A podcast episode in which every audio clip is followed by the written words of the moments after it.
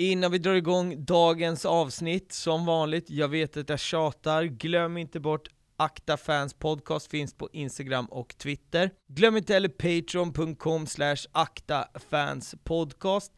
Där har ni möjlighet att förhandslyssna på avsnitten. Samt till övrigt material. Precis efter inspelningen på detta avsnitt så kommer vi faktiskt spela in lite extra material som kommer vara exklusivt på Patreon. Så att gå gärna in där och stötta podden lite extra.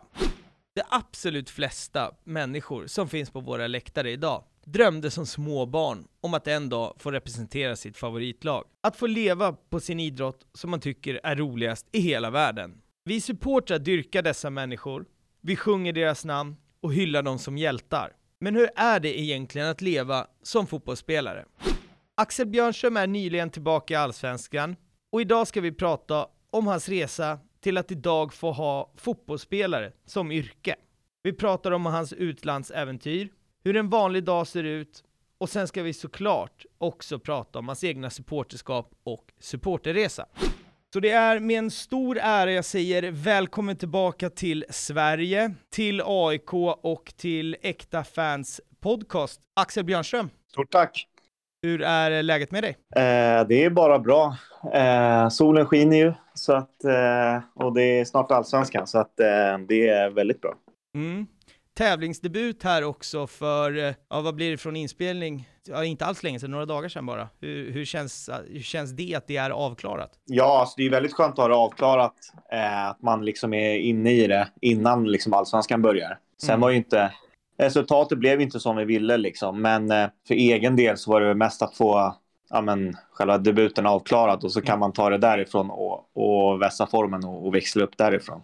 Mm. Vi, vi, ska ju ta det också ganska tidigt in i det här, äh, in i det här avsnittet, för det finns egentligen två läger som sitter och lyssnar på det här nu. Alla som lyssnar vet eh, vilket lag jag håller på, och jag vet att vissa utav er känner så här, aha, fan nu ska ni bara sitta och prata AIK i, i hela avsnittet. Så kommer det inte riktigt bli, så att ni, ni kan vara lugna, utan tanken med det här avsnittet är att vi, vi kommer prata om om livet som fotbollsspelare, din resa som fotbollsspelare och lite hur liksom den dagliga verksamheten ser ut, dels nu idag när du är i AIK, men också hur det kan vara att vara tonåring till exempel och vara på väg ut i, i, i toppfotbollen.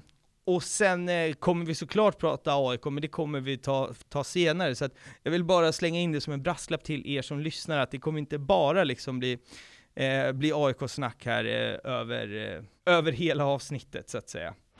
Men jag vill någonstans att vi ska börja, vi ska börja prata om din fotboll. Och I vanliga avsnitten så pratar jag om en supporterresa, men jag vill börja med din liksom fotbollsresa. Vart startar du med din fotboll när du är väldigt liten så att säga? Nej, jag börjar väl när man, de känns som de flesta börjar runt 5-6 mm. års åldern. Och då började jag i, eh, i eh, Café Opera hette laget då.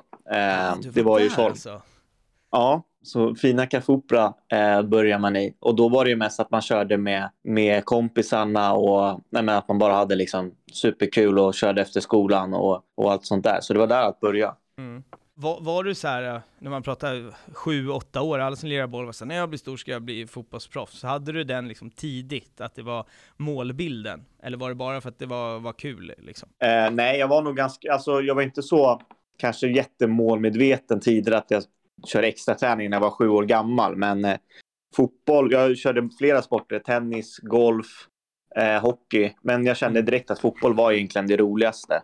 Mm. Eh, och det var det jag spelade mest. Men jag höll ju på med andra sporter fram tills jag var kanske 13 år. Mm. Eh, och där, där någonstans kände man att man kanske behövde specialisera sig mer på fotbollen om man, om man vill ta, ja men om man vill bli ännu bättre liksom. Jag, jag tror att det där generellt så här så tror jag att det är jäkligt bra att hålla på med olika idrotter för man blir ju atletisk om inte annat. Alltså det är många vet som har blivit väldigt duktiga på på liksom sin idrott som kommer ifrån och har testat jäkligt många olika, för man, man får ju verkligen där atletiska, så det, det köper jag. Men hur tidigt, alltså hur gammal var du när du och folk runt omkring dig började förstå att så här, här finns det en talang. Märktes det redan från liksom tioårsåldern eller hur skulle du själv säga? Uh, just i mitt fall så jag var kanske bra när jag var, ja men kanske så här 7-8 år just för att jag, jag kanske var extra intresserad, alltså, väl, alltså jag var väldigt fotbollsnördig. Mm. Eh, så jag kollade hur mycket fotboll som helst, jag spelade eh, nästan hela tiden. Eh,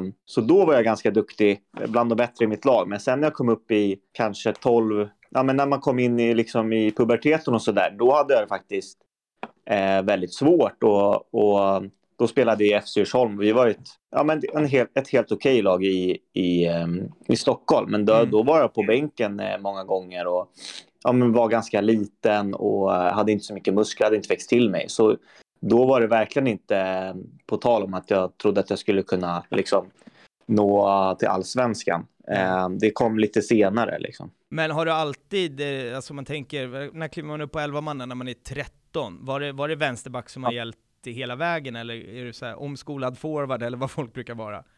Ja, när jag började väl som forward kanske när man var femmanna och sen sjumanna blev jag nog vänsterytter och sen på elvamanna blev jag eh, vänsterback. Mm. Eh, och, och, om vi säger att om jag nog hade varit bäst i laget, då tror jag inte att jag hade spelat vänsterback då, utan nej. Eh, nej, alltså det blir, det är ju oftast lite så att de bästa, framförallt kanske yngre då, alltså då spelar man gärna forward. Eh, men i mitt fall blev det vänsterback. Dels för att jag kanske inte var eh, liksom allra bäst i laget. Och eh, det är ju, vänsterback kan ju oftast vara en position där det är mindre konkurrens på också. Mm. Så det är också ett tips till många.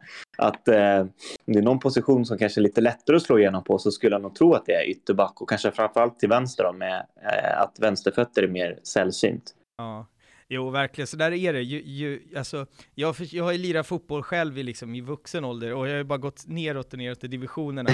alltså det, jag har blivit nerflyttad från forward till ytter till ytterback också, så det, det har varit så här, tydliga tecknet på att äh, jag har inte speeden som ytter längre. Liksom. Men, eh, men du, du, gör ju en flytt, jag vet inte exakt hur gammal du är här, men eh, du, du tillhör ju Vasalund sen. Hur gammal är du när du flyttar över till Vasalund?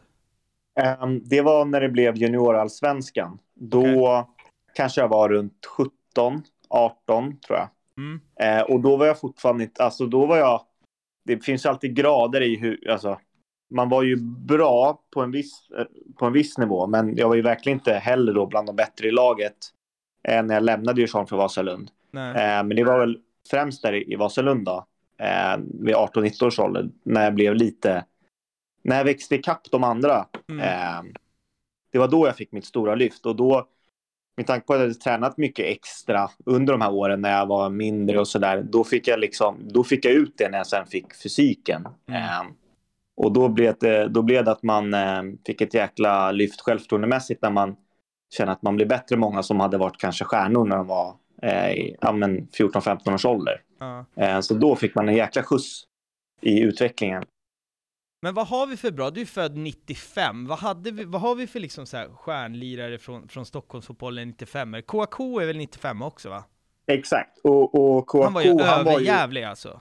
Han var överjävligt bra. Alltså när jag var nere och, och körde med liksom, då var det ju Café Opera eller FC Djursholm som laget hette mm, sen. Mm, mm. Då spelade jag kanske med, ja men där i, i um, fem, deras pojkar 15 och KK gjorde liksom debut i AIKs A-lag. Alltså det var ju, mm. alltså han var, han var hur bra som helst. Han var väl med i något liksom tv-program också om landslagsdrömmar Precis. eller, ja, jag kommer inte fan inte ihåg vad den hette. Han var bästa liksom ja. 95an när han var 15 eller 16.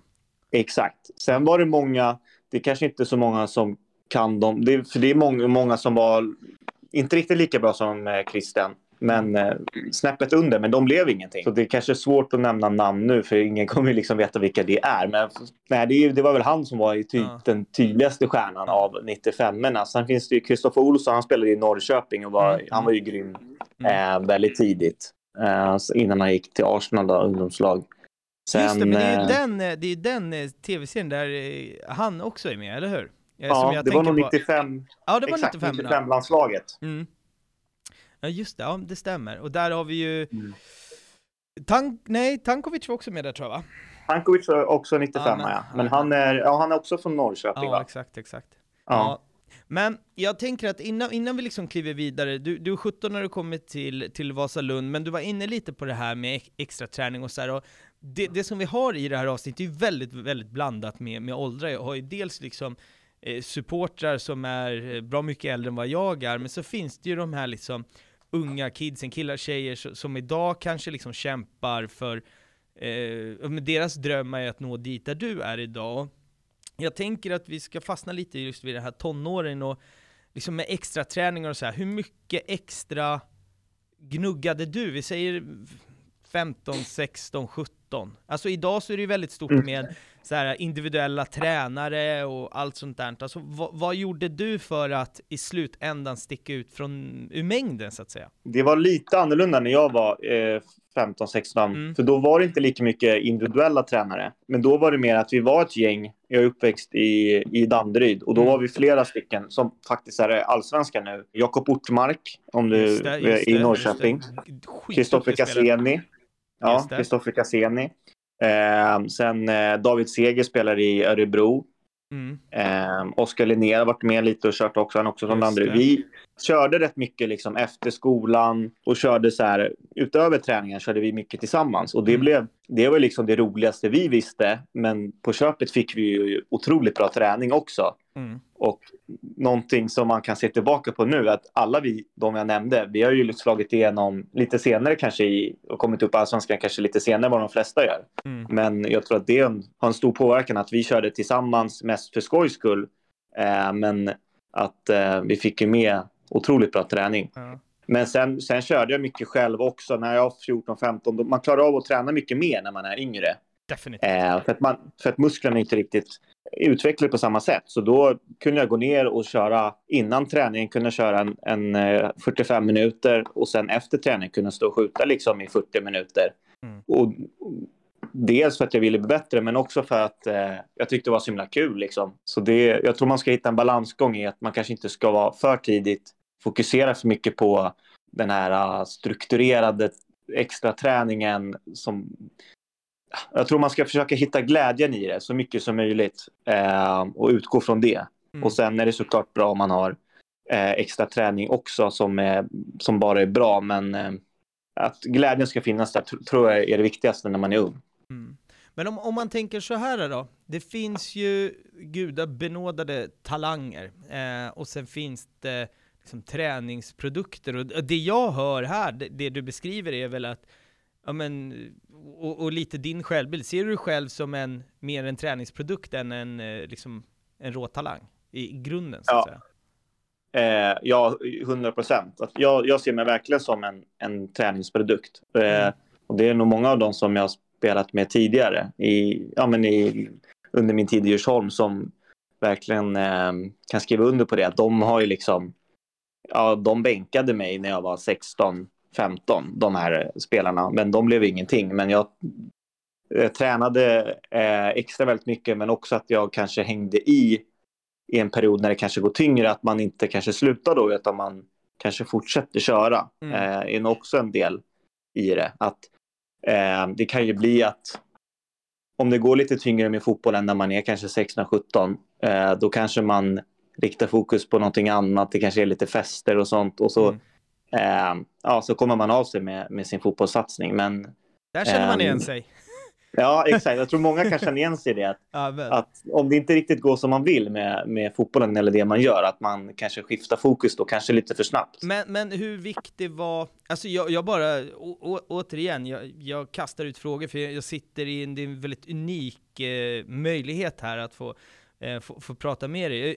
Alltså om man tänker kost och sånt där, eh, när man är, mm. om, om, vi liksom är fast nu fortfarande vid, vid, vid, tonåren så att säga, hur viktig är den? Var det så att du, liksom, skollunch i skolan, att du eh, knappt kunde käka det för att du var jättenoga med din kost, eller hur viktigt skulle du säga att det är i den åldern liksom som tonår?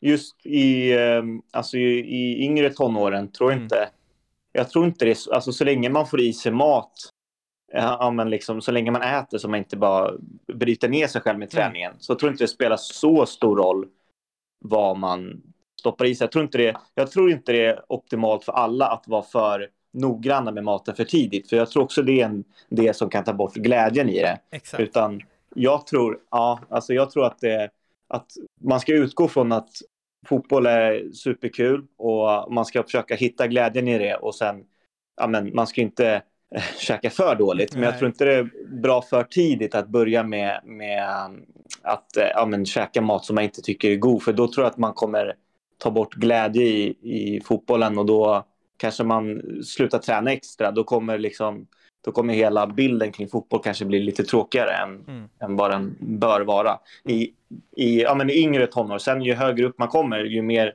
behöver man nog, behöver man nog ta hand om sin kropp och, och äta rätt så för att maximera sig själv. Jo, äh, men eh, jo, så, så, är det väl. Och det, det, är precis som du säger, jag tror att det är där många tappar, liksom, att man tappar glädjen i att man börjar eh, ja, men man måste försaka eh, eh saker som som många tycker är väldigt kul i, i en sen tonår, liksom med, med fester och eh, man kanske träffar tjejer eller, eller sådana där saker. Och jag gissar på att du genom alla dina år har behövt tacka nej till en, en jävla massa grejer för att matchdagen efter och de, de valen så att säga har ju lett dig dit du är idag, men har du någon gång känt så här att, att, eller kände du någon gång under den processen att det var lite trist? Att man inte kunde hänga med på grejer eller att man var lite begränsad? Ja, alltså absolut att man eh, har känt så i många, många stunder. Men sen just, jag tror det skiljer mycket från olika typer av personer. Vissa kanske känner mer att de, att de dras till ja, men kanske festandet och hela den biten. Men för min del så jag trivdes ganska bra med den vad ska man säga, livsstilen som jag mm. fick genom fotbollen. Och mm på något sätt kan det nästan ibland vara skönt att kunna hitta, men, ha en bortförklaring till att man kan eh, att man inte behöver vara med på allt heller som alla kompisar gör heller. Och, och, samtidigt så, så uh, tror jag att man också där ska hitta en, alltså en balans i det. Att man, bara för att man spelar fotboll och vill, vill bli väldigt bra på det så alltså, dyker upp tillfällen där man ja, men, kan gå på fest eller hänga med kompisar sent och så här, då ska man göra det också. Men eh, man får kanske väl, välja sina tillfällen lite mer. Mm, mm. Ja, men i, superintressanta eh, punkter. Och om man tar sig lite vidare, du kommer till Vasalund, du är typ 17, och vad pratar vi om då? Då är det pojkallsvenskan, inte sant? Det sa vi så? Ja, ja just det. är pojkallsvenskan, sen blir juniorallsvenskan. Ja. Men då var det nog först, nej det blev nog juniorallsvenskan då faktiskt. Ja, om du är 16-17 är det nog juniorallsvenskan. Men då tänker jag mm. också mm. att du har du byter lag, då gissar jag att eh, liksom, det blir längre restid då till, till träningar och så vidare, men du har också en, en gymnasietid so som man ska ta sig igenom. Hur var den att liksom kombinera eh, gymnasiet med en elitsatsning på fotboll? För där tror jag också väldigt många har det väldigt tufft hur man ska prioritera och liksom vad, som är viktigt. Hur, hur, löste du den pucken? Ja, man, man tvingas ju vara mer disciplinerad med, med tiden. Och då var det, jag gick i en fotbolls, eh, fotbollsskola, då hade vi tre morgonträningar i veckan. Och Vilken sen tränade vi i Danderyds gymnasium. Eh, Fotbollslinje då? Eller? Ja, exakt. Okay. Och då tränade vi måndag, onsdag, fredag klockan åtta till halv tio tror jag. Så då fick man fotbollen på morgonen och sen ja, pluggade man ju. Och sen eh, fotboll på efter, äh, men efter skolan med laget. Och däremellan ska man hinna liksom plugga till prov och allt. Och uh, där är också skiljer många från många olika spelare hur vissa kanske inte har den här disciplinen att de kanske lägger allt fokus på fotbollen och kanske inte gör allt vad de kan i skolan. Men eh, jag tror också där att man viktigt att hitta en balansgång och ja, man behöver ju ha lite struktur för att man ska få ihop det. Men eh, för mig funkar det bra eh, i alla fall.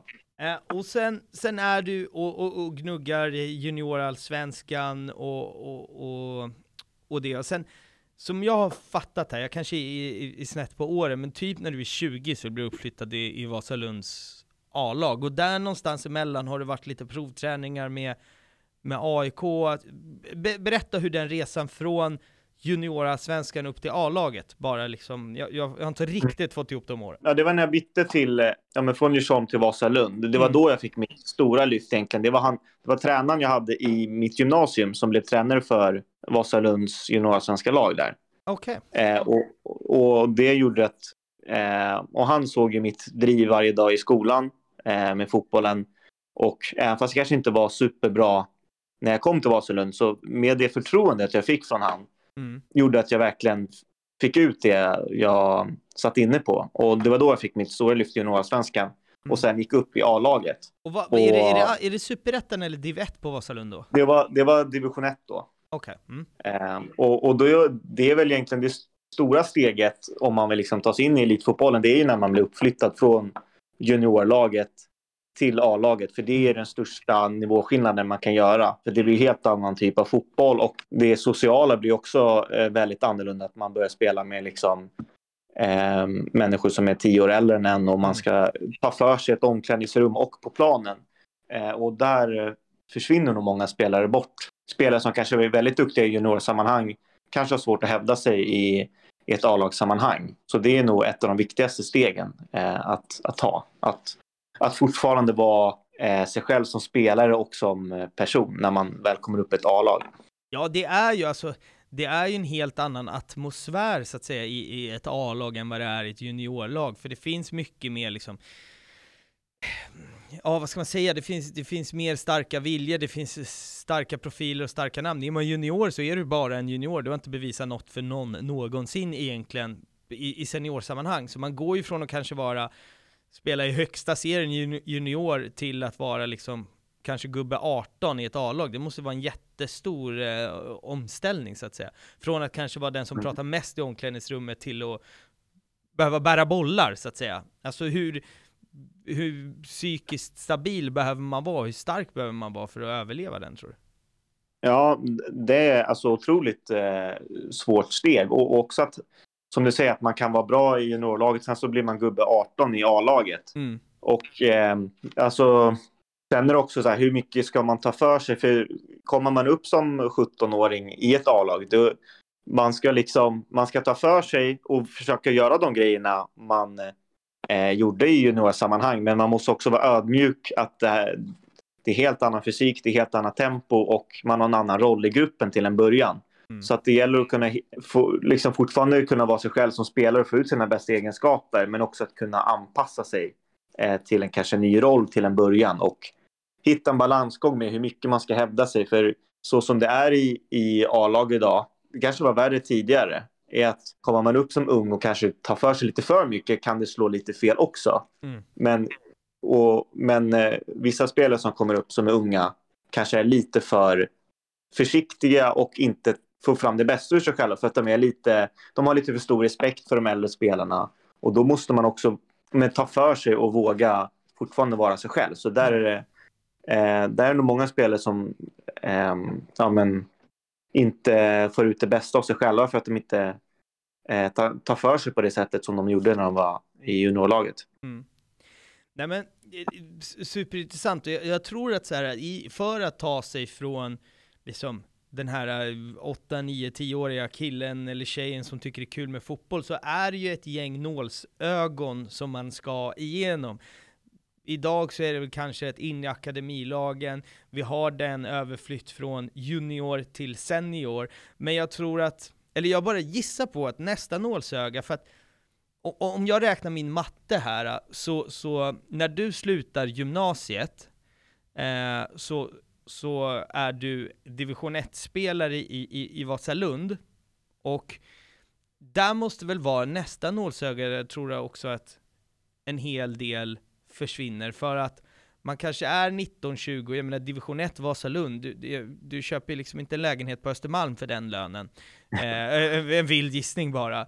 Eh, Medan alla liksom så här polare, vänner, de börjar jobba, börjar tjäna pengar, och själv ska man gnugga för jag vet inte vad det är för löner i division 1, men man kanske inte... jag hade, jag, jag hade min ingångslön på 500 kronor i månaden. Ja, du, du det var mitt, eh, mitt, första kontrakt. Ja. ja. Så det, ja. Men du lägger ju ner, alltså, kanske inte lika mycket tid som du lägger ner idag, men du ska ju ändå, alltså du, du tränar ju ändå fem pass i veckan, i, typ. Uh, och där måste ju vara nästa nålsöga, och vad, vad är viktigt för att ta sig igenom det nålsögat? Förstår du? Nu blev det en lång och invecklad fråga, men, ja, men förstår jag, jag, jag, jag, fattar komma? exakt vad du menar. Eh, och och det är precis som du säger, att det, det nålsögat är eh, väldigt svårt att ta sig igenom och det är då man nog behöver mycket det här tålamodet och den här uh, ja, men då är det nog verkligen viljan. Hur mycket vill jag det här? För det, då blir det extra mycket att man står i, ett, i lite av ett vägval. Att många andra kompisar kanske börjar plugga i någon annan stad. Eh, och så själv står man i, i division 1, ja, jag hade 500 i månaden. Mm. Eh, hur länge ska jag ge det här kanske en chans? Mm. Eh, och, och går det dåligt då under den perioden eh, och att man inte kanske känner att man, man har det här drivet för att verkligen lyckas, då är det ju väldigt lätt att man säger eh, ja, jag kom hit men jag orkar inte kriga mer. Det är inte värt det för att man missar andra delar. Exakt. Eh, så där är det, och i, i mitt fall så var det jag, jag blev uppflyttad med en annan barndomskompis från Vasalund. Vi, var, vi två gick till Vasalunds eh, juniorlag och sen vi båda blev uppflyttade. Han var alltid bättre än mig. Mm. Men han, eh, eh, ja, vi båda spelade inte så mycket i början av vår period i A-laget. Men han, eh, han valde att gå, eh, ja men plugga, han var väldigt duktig i skolan också. Jag krigade på lite längre och till slut så fick jag lite mitt genombrott i division 1 och då eh, eh, ja men då fick jag ju mitt lyft sen och tog mig vidare. Men det var att jag kanske att jag hängde i lite längre.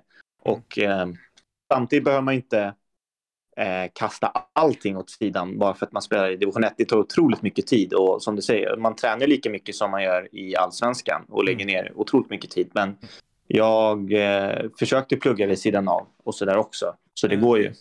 Ja, nej men jag, jag bara gissade, så som sagt jag har aldrig funnits med i, i, i, liksom, i, i fotbollen så högt upp, men jag gissar på att det är ett, ett nålsöga till det sista liksom. Antingen så, Ja.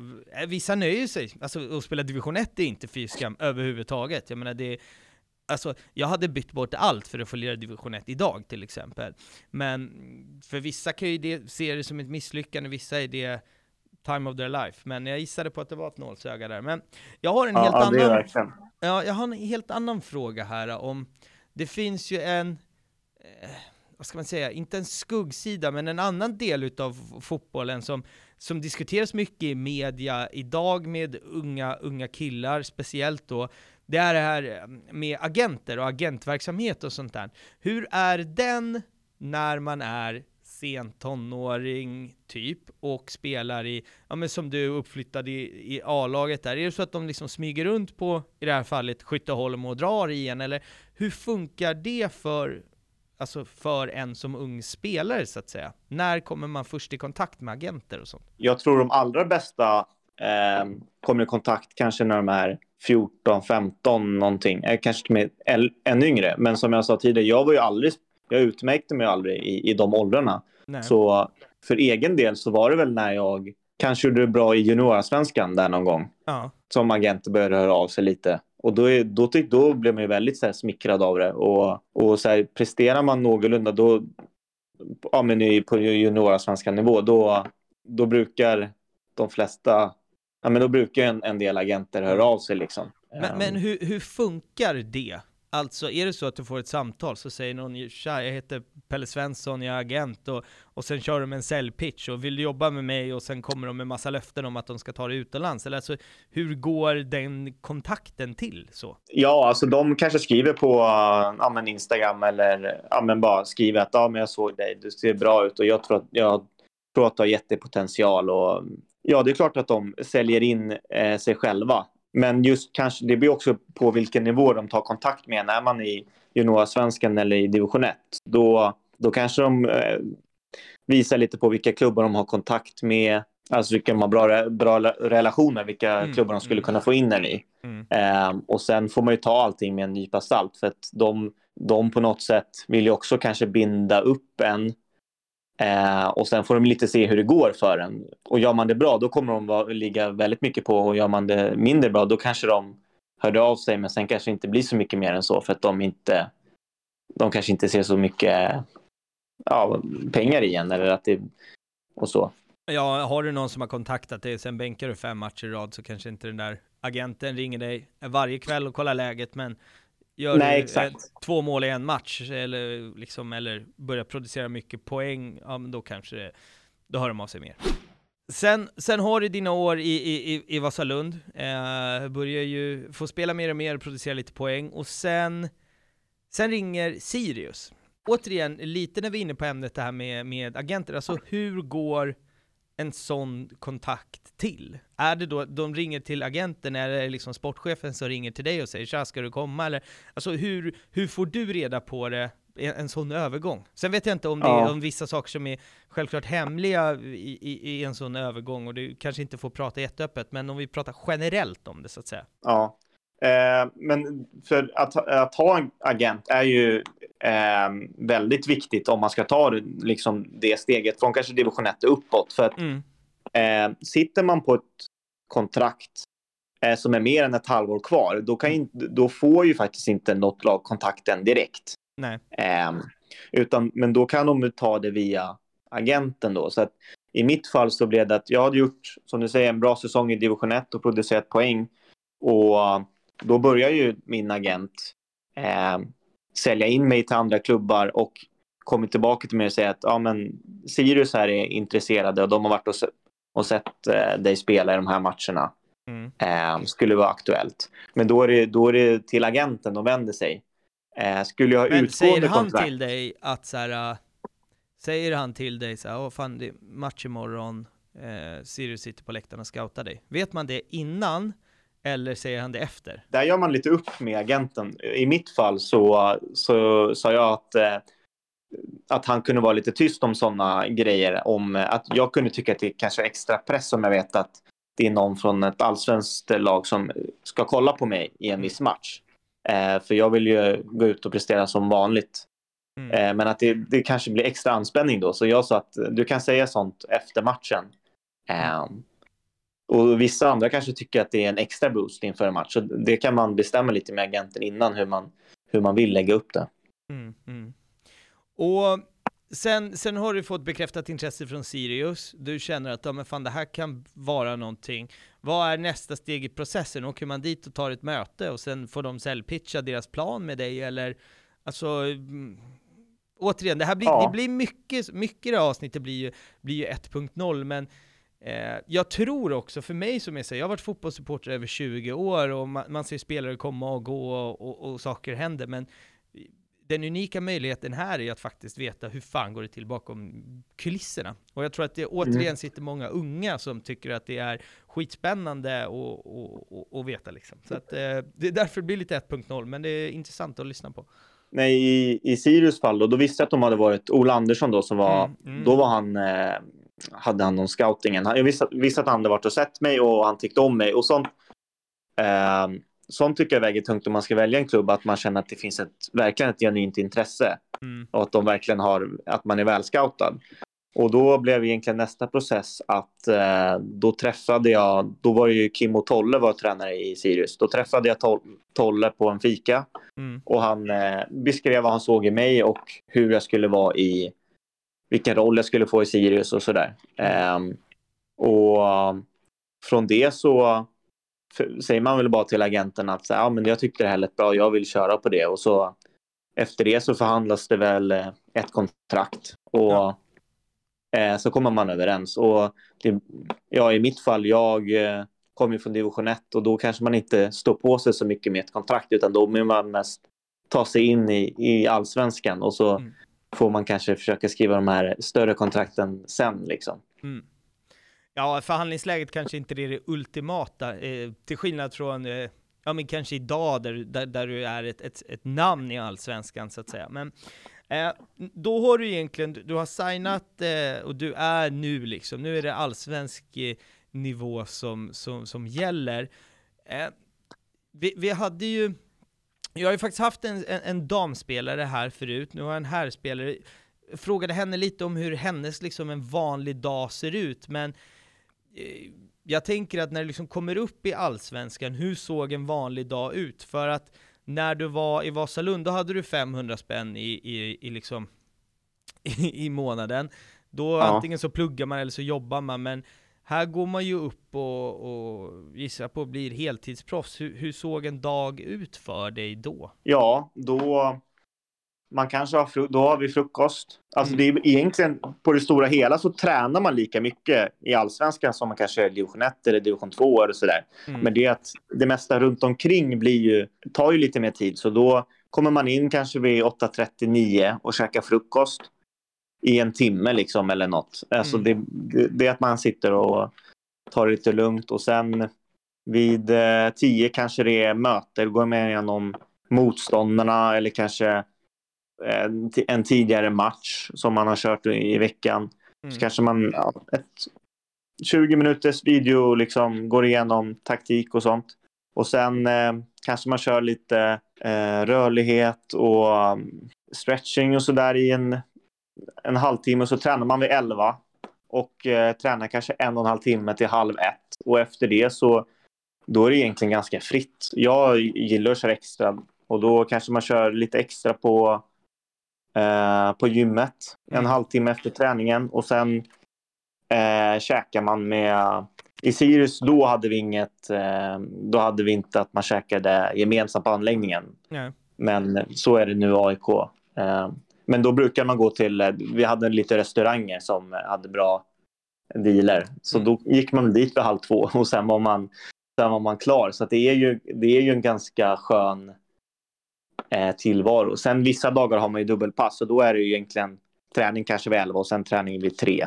Mm. Eh, och så är man där på anläggningen hela Men- tiden. Men, de flesta dagarna så är det ett pass på en och en halv timme med laget och sen kanske man kör lite mer extra själv. Mm. Eh, men man är klar vid halv två, två på dagarna. Men, och du, du nämner ju där att du, du tränar lite extra själv, och hur mycket håller liksom klubben och hur noggrann är klubben? Nu, nu har du ju egentligen Sirius, AIK, eh, ditt lag också när du var i Ryssland sådär, men hur mycket koll har de på det du kör extra? Och är de där och petar eller, alltså såhär, fan, nu har du tränat för mycket gym, eller du har lyft för mycket eller för lite, är, är de på dig om sånt? Eller de ansvarar för fotbollsträningen och sina fysträningar och sen får du göra lite vad fan du vill, eller hur, hur bra koll har de på dig, eh, så att säga? Eh, ja, det beror, det beror lite på vad man har för tränare. Vissa tränare är väldigt... Eh, de vill helst kanske inte att man kör så mycket extra för att eh, det kanske ökar eh, att man blir skadad och sådär. Mm. Eh, men ofta så brukar man kanske ha en... Ja, men så I allsvenskan har man oftast en fystränare eh, som man kanske ja, men kan snacka extra lite med. Att jag vill bli starkare här eller jag vill bli rörligare. Så kan man få ett program och så kan man gemensamt med honom lägga upp lite hur, hur man ska eh, träna om man vill träna extra för att det inte ska eh, slita på kroppen för mycket. Och sen ju äldre man blir ju mer lär man sig också om, eh, om sin egen kropp, hur mycket Mm. man faktiskt klarar av. Mm. Vissa spelare kanske lägger ner, ja men kanske inte klarar av att träna extra heller. Och, Och vissa då är ska de inte göra Karlsson. Vissa är Per Och vissa är Karlsson. Per Karlsson, exakt. Ja. Eh, så det är också väldigt individuellt vad man klarar av själv. Men Mm. jag gillar ju tränare som tillåter att man gärna kör extra, att man är ambitiös eh, och litar på att spelarna klarar av den bedömningen själva, hur, hur mycket man kan köra utan att det ska gå ut över nästa dags träning och sådär. Mm. Nej men in, in, intressant, och jag har väl bara egentligen en, en, en liksom, för att knyta ihop det här lilla segmentet, så här, när, när du går från division 1 upp till, till allsvenskan, eh, alltså jag undrar lite så här, hur stor nivåskillnad är det på den individuella spelaren? För att jag gissar på att det finns, runt om i Sverige så finns det ganska många division 1-spelare som hade kunnat flyttas upp i ett allsvenskt lag och, och färgat. Alltså de kanske inte hade blivit bäst i serien, men de hade kunnat flyttats upp och, eh, och liksom inte gjort bort sig. Men vad, hur stor skillnad är det och vad är, vilka skillnader, så att säga? Det blev många frågor igen, men jag tror du förstår vad jag Mm. menar. Ja, men jag, jag, jag håller helt med om att det är jättemånga, finns jättemånga duktiga spelare i division 1 som, eh, som absolut hade kunnat gå upp i allsvenskan och göra eh, minst lika bra som många andra i allsvenskan. Mm. Men problemet är som jag tycker är lite synd, det är att när spelar man i division 1 och kanske är 25 och uppåt så Mm. är, krävs det nästan en ännu bättre prestation för att man ska bli sedd av klubbarna i, ja, men i allsvenskan. Men gör man en, en, ja, men en bra säsong när man är 18-19, då är det väldigt lätt att man blir uppmärksammad är i, för en allsvensk lag. Så att det finns ju jättemånga duktiga i division 1 som, ehm, som kanske är lite äldre och därför har haft lite svårare att bli sedda av många svenska lag. Och tittar man bara på ja, men, träningsmatcher nu i början av säsongen i Svenska Cupen. Det, alltså, det blir ju 1-0, 2-0. Det är, inte, det är inte jätteofta det blir 5-6-0 när ett allsvenskt lag möter division 1. Nej. Eh, men den stora skillnaden, eh, nu var det ju ganska länge sedan jag var i division 1. Det, det kändes som man hade bättre svar på det då, Mm, när man var lite mer... Eh, ja, men eh, Nej, jag ville bara egentligen så här pi- pinpointa Ja, att det- jag, jag tror att det är så generellt, men sen är det väl, alltså, går det att sätta fingret på vad som, alltså det är såklart tempot går upp, det, det köper Ja. jag, och är det då att eh, en allsvensk spelare kan göra allting på färre touch, kan det vara någonting så enkelt som gör ja, att men det är det exakt. som är skillnaden? Precis, det är ju inte alltid så här, det är ju såna här små detaljer som, ja men att man är förberedd innan man, för det var en sån här grej, när man kom upp från division 1 så kom upp till allsvenskan, allt går ju snabbare. Mm. Och om man då har lärt sig att man kanske innan man tar emot bollen att kunna skanna av eh, planen innan så att man vet vad man kan göra med bollen när man får den på ett tillslag. Mm. Eh, Sådana delar tror jag är väldigt bra att ha med sig när man tar en, ja, klivet från kanske division 1 till allsvenskan. Att det går snabbare, att man ska klara av att- spela på färre tillslag i ett högre tempo. Mm. Eh, det är nog där nog många, ja men, eh, vissa klarar av kanske tempohöjningen bättre än andra och det har nog att göra med att man är eh, men mer förberedd när man tar emot bollen och, och sådana delar. Mm, mm. Nej, fan superintressant och det har varit eh, å- återigen en, en väldigt unik möjlighet att få prata livet som fotbollsspelare här tillsammans med er. Men jag tänker här nu att vi ska switcha lite ämne, mitt favoritämne och ett, eh, jag tror fan det är ditt favoritämne också. Vi ska prata om Ja. AIK nu tänker jag.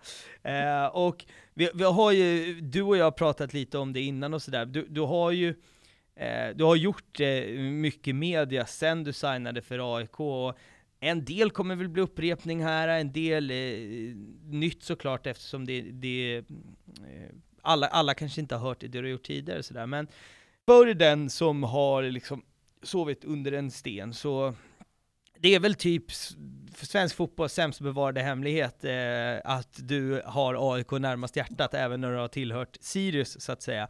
Eh, berätta lite om hur kom AIK in i ditt liv från, från, liksom, från första början? Från första början, det blev väldigt naturligt för min eh, pappa är väldigt stor AIK-are. Mm. Eh, så att det är liksom från att jag var, ja men från att jag började spela fotboll när jag var 5-6. Sen dess egentligen så, då var det säsongskort på familjeläktaren. Så att det var, det var inte mycket, så mycket att så här tänka utan det var bara, det, AIK var bara laget man var, man var född i. Och det var liksom ingen tvekan om någonting annat sen, ja men från starten egentligen. Hur, hur är det ute på, eh, på, på Djursholm och runt där? Visst är det liksom AIK är laget som gäller där? Eftersom det är ju, som du, som du nämnde tidigare, Linnér är därifrån. Det, det känns som att det är mycket AIK och en hel del spelare som, som har AIK närmast hjärtat. Är, är jag rätt på det om jag säger att det är liksom AIK-land? Ja, alltså det var nog, nu är det nog mer AIK-land än, än vad det var tidigare. För när jag växte upp, eh, ja men när man liksom var så här eh, sju, åtta år, när många kanske väljer lag, Mm, eh, då var ju Djurgården otroligt bra. Det var 2002, 2003. just det. Och då kände jag mig väldigt ensam i mitt supporterskap till AIK medan alla andra som gick i, i skolan var ju, då var ju de djurgårdare. Mm, Eh, så på den tiden var det väldigt många djurgårdare. Och Mm. mång, ja, många i min ålder som gick i skolan var djurgårdare. Men jag tror att pendeln kanske svängt över mer så att det är mer neutralt mellan AIK och Djurgården just i, i, eh, i Danderyd. Då. Men, Mm. eh, men och Hammarby eh, finns det inte mycket av, fanns i alla fall inte mycket av på min tid i, i skolan. Eh, men det kanske är mer nu, mer Hammarbyare. Eh, och och det, det som är intressant med att du idag är, eh, är liksom AIK-spelare, jag är, jag är eh, generellt i mitt liv väldigt, väldigt, väldigt dålig på, eh, liksom på, på namn. Men jag är lite nästan så autistisk när det kommer till ansikten. Och jag har ju sett dig många gånger runt AIK-matcher i och med att du har ju figurerat under väldigt, väldigt många år, vilket är så, så, så häftigt någonstans att vi har eh, en, en spelargrupp vi har på ledarnivå just nu i AIK med folk som har liksom funnits inom, inom klubben så, så, så jäkla länge liksom. Och jag vet att du har fått svara på det här i väldigt massa intervjuer och sådär, men hur var det när, att, alltså, att komma in i, i den allsvenska fotbollen och i liksom finrummet i, i fotbollen och, och spela inte för AIK? Det måste ha känts Alltså, det kommer bli ett gäng sådana frågor, men du måste ju ha liksom två olika Acke här, där ena är fotbollsspelaren, den andra är supporten och där de kanske krockar ibland. Men eh, var det konstigt samtidigt som du var jävligt stolt över att vara i Allsvenskan? Eller hur blev det liksom?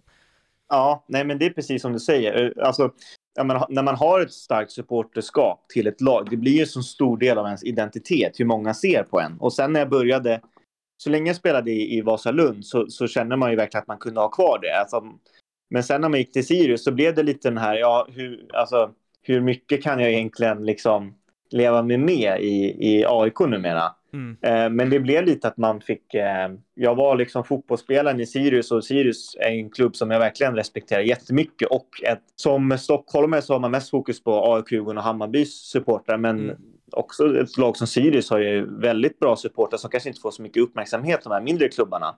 Mm. Eh, så då fick man, kanske man kunde ta med sig det supporterskapet man hade ett AIK och fick Eh, ja, men var fint att se eh, Sirius supporterskap och att man började känna mycket för den klubben. Mm. Men sen såklart att eh, jag, kunde inte, man kan inte, jag kunde inte släppa AIK helt. Nej. Och, min pappa är ju fortfarande lika mycket AIK också, så det, är så här, det var ju fortfarande mycket AIK och för min del blev det mer att jag har alltid följt fotbollen och hockey väldigt mycket, men mm. för min del blev det ju kanske ännu mer hockeyn då, att jag fick där fick man kanske utlopp ännu mer för sitt supporterskap och man kanske fick ta ner just fotbollsdelen lite extra med tanke på att man liksom, ja, ska jag möta dem om en vecka, då kan man inte vara för Nej, man kan inte äh... kanske sitta där och, och, och, och sjunga ramsor när man ska spela mot dem två veckor senare. Det, den köper jag också, men återigen så är det en ganska dåligt bevarad hemlighet vart, vart ditt liksom supporterhjärta finns. Och, alltså, hur kände du att det togs emot av liksom supportrar och, och klubben? För det var ju ingen hemlighet för dem heller. Alla Sirius-supportrar som var där och hejade fram dig när du lirade där visste ju att så här, ja, men hans hjärta finns någon annanstans. Och Alltså hur kände du att det togs emot? Togs, eh, adresserades det någonting överhuvudtaget? Ja, alltså ja, den delen var jag väl ganska o, ja, men lite orolig för hur saker och ting skulle landa. För jag ville verkligen, och det menar verkligen inte att jag känner väldigt mycket för Sirius när jag var där. Och det, jag mm. känner fortfarande väldigt mycket för Sirius. Och att folk kanske kan missuppfatta bara för att man har haft ett supporterskap till ett annat lag. Att, att man kanske väljer att se det ja, men lite väl mycket svart eller vitt. Men mm. de hade otroligt stor eh, respekt för den delen och, eh, och också att det kanske var att, som jag sa, det, att man kanske fick en ännu större förståelse för supporterskapet i Sirius eftersom man vet att man själv varit supporter för AIK mm. så tror jag de kände att man själv hade stor eh, förståelse för dem eftersom man kanske vet lite mer än en vanlig spelare hur, hur supportrar funkar. Och, eh, så jag känner att ja, men, och jätteglad och tacksam över att den relationen med Sirius eh, är bra, tycker jag. Och jag har fått jättemycket kärlek från dem och det uppskattar jag verkligen. Du går ju som tåget till Sirius. Satan vad du var fantasyfavorit och bara kändes som du gjorde mål och assist eh, varenda match. Och i våra led, eh, i liksom Stockholm och Solna, så började ju... Alltså, då snackades det om att han ska bara hem. Eh, men så blir det ju inte. Du har ju en, en, en utlandstripp till, till Ryssland. Eh, den, den här utlandstrippen, återigen, det finns eh, flera andra liksom, eh, poddar, YouTube, där, där, vi har bakat ner, så jag tänker att vi inte ska lägga liksom, allt för mycket krut där. Men du, du får bli utlandsproffs. Fanns det, när du gick till Ryssland, fanns det intresse och en kontakt med, med AIK Alltså var det ett alternativ? Eh, men du valde Ryssland istället. Jag vet inte vad, hur mycket du alltså, får säga här eh, heller. Jo, alltså egentligen så var det inte med tanke på att AIK har liksom egentligen aldrig haft det bättre ställt på vänsterbackspositionen. När jag gick bra så kände man ju någonstans kanske att det är lite typiskt att ni har både AIK, både Erik Karl och eh, Otieno liksom. Ja. Eh, så eh, det var väl kanske inte jätteaktuellt just då, vilket är väldigt förståeligt. Mm. Eh, och det kanske man känner att det var lite, ja men kanske lite typiskt att just det alternativet inte fanns. Mm. Eh, och att, ja och sen eh, att gå till Ryssland var ju eller att gå utomlands var egentligen ett stort mål man också haft. Men någonstans så kände man att eh, i, ja, jag, innan jag är klar med min karriär så vill jag ju hunnit spela för AIK, men att då kanske få ta en, en annan väg dit liksom. Mm. Och eh, ja, nu eh, spelar jag AIK liksom, så det blev en, en liten annan typ av väg. Ja. ja, men den vägen har väl varit utstakad och det har väl, alltså, det har väl alla förstått att en dag så, så, så, så kommer du få sätta på dig AIK-tröjan. Det, den diskussionen, det, det har aldrig varit en diskussion egentligen, frågan har mer varit eh, när och eh, jag och jag tror jag talar för alla AIK är väldigt glada att, att det skedde nu. Eh, men vi sitter i en situation, jag vill bara egentligen så här, situationen som är i världen nu med att vi har liksom ett potentiellt tredje världskrig på gång. Du sitter, är du i Ryssland när allt det här händer? Ja, eh, då är jag i Ryssland. Um, och, och vad, eh, vad händer då liksom? Alltså man tänker media, sociala medier, hur, hur mycket panik fick du då så att säga? Ja, så då var det i början, för jag var, jag var bara i Ryssland kanske de, ja, men från invasionen till kanske tre dagar efter. Då mm. eh, flög jag hem. Men just då, det var som att man i Ryssland så fattade de inte riktigt vilk, vad de gjorde och vilka konsekvenser mm. eh, det skulle få med alla sanktioner och allt. Så just då så var det mer att man själv, allt var så himla oklart. Eh, och det var inte så att man var rädd på något sätt för sin egen skull, men det kändes ju inte jättekul att sitta där och ja, men, eh, i ett land som man kanske inte kände speciellt mycket för, alltså, ja, med, med tanke på det de gör heller. Så att, eh, då var man väl ganska sugen det... på att dra såklart. Ja, men det var lite dit, det var typ min nästa fråga. Hur, hur länge var du kvar innan du liksom packade och, ja. och, och, och, drog så att säga? Och då, det svarade du själv på tre dagar. Men, och, när men det ska sägas också att just i, min, just i min situation så var det rent sportsliga var också en anledning till att jag åkte hem också. Att det, det blir skillnad för vissa spelare kanske inte hade samma möjlighet, men för mig blev det inte sportsliga som jag ville och då blev det ja, från både mig och klubben så eh, var det inga konstigheter egentligen och att bara eh, riva det här kontraktet. Så. Mm. Vi ska väl inte gå in på för mycket liksom, eh, diskussioner om hur vår kära älskade sportchef jobbar, men alltså satt du på planet hem mot Sverige och bara tänkte så här, hoppas, hoppas, hoppas, nu fan, nu är, nu har klockan slagit 12 och nu vill jag liksom, nu vill jag sätta på mig AIK-tröjan. Var det den du satt och hoppades på liksom på vägen hem och sen, eller hur var den känslan liksom då? Eller var det så här, vad fan gör jag nu? Ja, men dels så i början är man ju lite så här ah, osäker på, ja, men jag hade ett bra rykte i allsvenskan när jag drog, men sen så gick det inte som jag hade tänkt mig i Ryssland och då blev man lite osäker ja, när man river kontraktet. Ja, vad tänker all, vad tänker klubbar om mig nu? Så mm. då hoppades man ju först bara på att, eh, ja, men att hur, ja, men hur intresset är med klubbar och, eh, och man väger ju, även fast jag tidigare uttalat hur mycket jag ändå velat spela för AIK så väger man ju ändå alla alternativ. Men man kände ju någonstans direkt vad, vad man ville, både liksom i hjärtat och med, i huvudet och, och vad som faktiskt också är bäst sportsligt för mig också. Så att det, det kändes liksom det rätta på, på alla sätt. Jo, men man men var ju det... såklart lite orolig när man sitter utan kontrakt och eh, man är alltid orolig liksom hur man står, alltså vad man har för rykte och sådär. Så. Så är det ju verkligen. Och återigen, jag bara giss, gissar här att vi pratade lite tidigare i avsnittet om att man kanske inte sitter i det bästa förhandlingsläget när man, när man kommer som division 1-spelare och ska upp till allsvenskan. I det här läget, så återigen, du har, här kan du inte haft ett alltså, superstarkt förhandlingsläge heller. Det, är så här, det som händer, händer där borta, du alltså alla vet att så här, AIK är drömmen, då har man inte heller världens starkaste förhandlingsläge kan jag bara gissa på. Alltså du är ju du, är ju du med dina prestationer också på banan, det, det tar vi inte bort överhuvudtaget, men det, det måste ju ha varit en annorlunda situation att sätta sig och liksom och prata om en eventuell, liksom, ett eventuellt kontrakt där alla parter är helt med på att du vill dit. Alltså förstår du vad jag menar? Jo, exakt. Det är ju så när man förhandlar att man kanske inte ska visa för tydligt vad man vill alltid heller. Alltså, om man vill kanske få det bästa möjliga. Och det, ja, alltså någonstans så, um, så nej, det var inte optimala förhållanden att liksom förhandla ett kontrakt. eh, det tror jag inte. Det, ja, Kanske liksom också med tanke på att man... Alltså, Nej, exakt. Och så här, jag är jättenöjd med hur allting blev. Alltså, så här, men eh, ja, det är ju som du säger, det finns ju kanske bättre lägen att liksom förhandla i också. Eh, ja, verkligen. klart.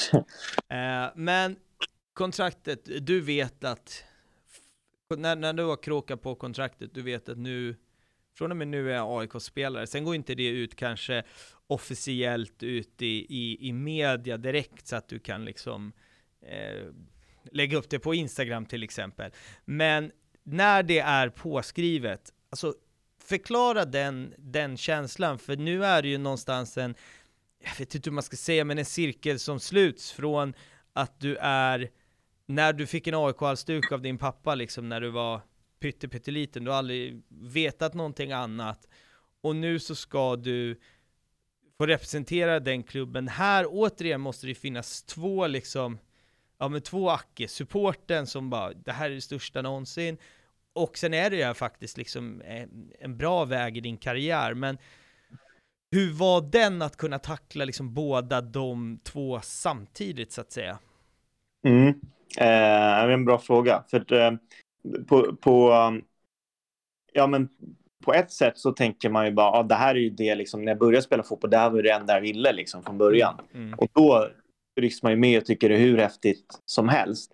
Men å andra sidan har man ju också med att man har presterat bra över en längre tid och hävdat sig på en viss nivå, då blir det också ett mer blir också mer naturligt på något sätt att man känner att ja, men vad, ja, alltså, det är klart att det här var möjligt. Eh, tänker man på ett sätt också. Så att man har ju så två delar i det hela. Att det ena så tycker man att det är hur naturligt som helst att det blev så här. Men på ett sätt också att man får påminna sig själv om att det här var ju, liksom, det här var ju allt, jag, allt jag ville mm. eh, när jag började spela fotboll.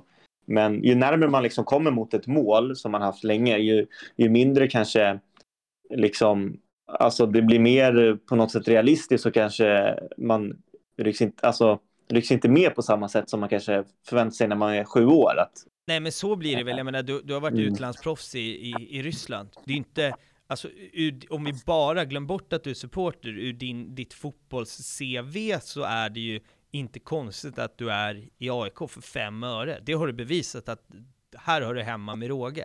Men det är det jag menar med att, alltså det måste ju vara en så här, vad sjukt att jag ska spela i, i min klubb, men man vet att man hör hemma. Det måste, ju, det måste vara en så konstig känsla bara, det är det jag vill landa i. Liksom. Ja, och verkligen. Och, och det är ju skönt att, att, ha med sig den känslan också, att, att man känner att man hör hemma här. Tänk om man kanske inte hade hävdat sig lika mycket innan, då kanske man hade haft mer respekt och kanske inte, ja, men kanske inte hade samma förutsättningar att gå in och prestera som man kanske borde gjort. Så det är ju skönt att man eh, kanske har fått bort den här superrespekten för, för hela eh, mm. situationen. Ja, jag mm. fattar.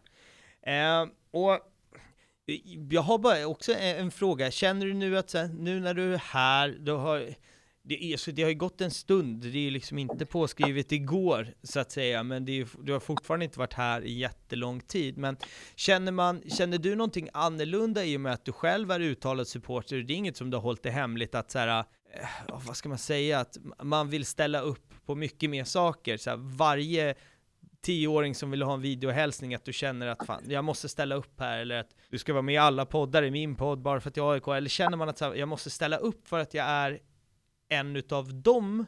Det kanske är en rörig fråga, men jag vet inte om du förstår vad jag menar? Jo, men jag, jag, jag fattar lite. Man tänker kanske lättare att tänka hur det är från andra parten. Mm. Eh, och, och, att man själv har idoliserat många spel när man var yngre. Och Exakt. sen när någon skriver då någon någon tioåring, då är det klart att man kanske är extra, eh, extra mån om att och kanske skicka en videohälsning eller något sånt där. Ja. Eh, så, men samtidigt så var man, i mitt fall så var, har jag försökt vara ganska mån om sånt tidigare också. Mm. Eh, men ja, det är nog sant att det kanske blir lite extra eh, mycket nu när man eh, känner att man har extra närhet till, till eh, roligt ja, supporten. Liksom. Alltså, jag tycker det är, det är otroligt kul. prata om AIK. Det vill, liksom. exakt, jag älskar att, att, prata om AIK och ja, men ställa gärna upp på allt som har med AIK att göra. Liksom. Eh, så jag tycker det är hur kul som helst. Jag har en annan fråga till dig. Jag gissar på i ditt supporterskap att du under ganska många gånger på, på både ja, men Råsunda, Friends, varit på spelarbussmottagning och stått eh, vid sidan om. Hur, Ja. hur sjukt känns det att få vara med om det fast från insidan av, av bussen så att säga? Alltså om Mm, du isolerar ja, den spelarbussmottagningen som är Alltså jag vet ju bara när det kommer nya spelare till AIK så är ju liksom De blir ju blown away att få komma till spelarbussmottagningen och bara vad fan har jag hamnat? Du vet ju vad som väntar men hur sjukt ska det bli att få, få liksom Få se det från en annan vinkel så att säga Ja, nej, det, det är något jag tänkt på. Det eh, ser jag fram emot väldigt mycket. Det kommer nog kännas väldigt sjukt. Eh, och eh, samtidigt har man ju mycket att jämföra med eftersom man varit på de där eh, på andra sidan många gånger. Så att man Mm. vet ju hur de bästa gångerna, hur de har varit. Så eh, kan man jämföra med dem också. Men eh, nej, som du säger, det känns sjukt att man får vara på insidan nu istället. Mm, mm. Hur mycket, alltså om, om man tänker supportrarna till, i det här fallet, nu, nu har det varit här en ganska kort stund, men hur mycket finns supportrarna och vad de gör på läktare och så vidare, hur mycket finns det med i en spelargrupp? Alltså, vi säger att, vad vet jag, eh, en derby eller som A- AIK Malmö nu eh, senast. Alltså nu blir det torsk, det är klart man är sur om det, men pratas det om i spelargruppen så här, fan såg ni tifot? Eller fan vad bra de var på läktaren? Eller vilket tryck det var? Alltså finns de diskussionerna med i spelargruppen generellt? Ja, alltså det, på ett sätt känns det lite fel för mig att svara på det liksom så pass tidigt. Jag är ju liksom Mm, ny jag och allt, så jag kan inte svara för mycket på just det än. Men att det, att som eh, stödet vi hade mot, eh, mot Malmö senast i den enda matchen jag kan liksom Mm, ja, och, och det är ju, man är ju väldigt mån om att liksom försöka göra supporterna stolta, att de ska vara någonting att vara stolta över liksom, för man vet hur mycket det påverkar folk. Mm. Eh, och ja, men just det här med, ja, men med tifodelen och sånt, det är ju absolut att det liksom eh, höjer, eh, höjer prestationen och gör att det, man springer lite så här, de här extra meterna, kanske låter klyschigt, men det, är, alltså, det hjälper ju verkligen om man känner att man har, att man har med sig folk. För att eh, ibland så, ja men i bortamatcher också kan det ju kännas ganska ensamt när de står och, ja men den här slakt, slaktiskurvan hos Djurgården, de kan ju stå och skrika eh, ganska grova grejer, men någonstans i bakhuvudet så har man med sig att man har jäkligt många där hemma framför tvn eller på sin egen kurva som stöttar den och, och då blir man ju lite starkare av det också. Mm. Um, så då klarar man att stå emot sånt. På tal om eh, slakthuskurvan hos Djurgården, den 24 april så, så spelar AIK mot, eh, mot Djurgården. Eh, derbyn är ju stort, alltså det, det är ju stort i hela världen, men det är väl lite så här, Stockholmsderbyna Stockholmsderbyn i Sverige är ju kulmen och det är liksom, tar man all svensk supporterkultur så, så är ju det best of. Skulle jag säga i Djurgården-AIK eller AIK-Djurgården. Jag fattar att det är långt bort, man ska ta en match i taget och all, alla de klyschorna såklart. Alltså om du bara tänker och visualiserar att få komma in liksom, inför en, ett derby. Säg att du startar, du liksom får komma in till, och vi AIK på Friends till exempel, i ett derby. Går det att, för dig att ta in? För du har varit på så jävla många derbyn och, och, och liksom upplevt det. Men, men går det att ta in och visualisera på något sätt? Hur alltså, svårt ju- blir det att det är svårt, fokusera Det är svårt då? att veta. Det är, ja, men exakt. Det är svårt att veta hur man reagerar när man väl är inne i det då. Men då tror jag att man, man blir ju, man får ju sätta lite supporterskap vid sidan också för att man är ju jag är ju liksom, man är ju spelare i, i första hand och när man väl Mm, går ut och spelar match då är man ju väldigt fokuserad. Man vet vad man själv presterar bäst av och jag tror att eh, man ska hitta en balansgång. Med, med, med, alltså, den aggressionen man kan känna på läktaren. Jag tror Mm. inte det är ett optimalt tillstånd kanske att spela en fotbollsmatch i för då får man ju rätt fort efter tio minuter liksom. Ja, Så jag, tror, jag tror det kan vara bra att liksom försöka sansa sig också. då, då Eh, blir man och- och Kenny kanske- Pavey helt plötsligt eh, varje Ja. match och det är kanske inte är hälsosamt. Exakt, så att jag tror också att man, eh, man måste eh, eh, kanske liksom hitta en balans och kanske inte bara gå in i det här läktarmodet som man kan ha ibland. För jag tror inte det, det är nog inte ett optimalt tillstånd att spela en, en fotbollsmatch i. Nej, jag håller, jag håller helt, helt med dig.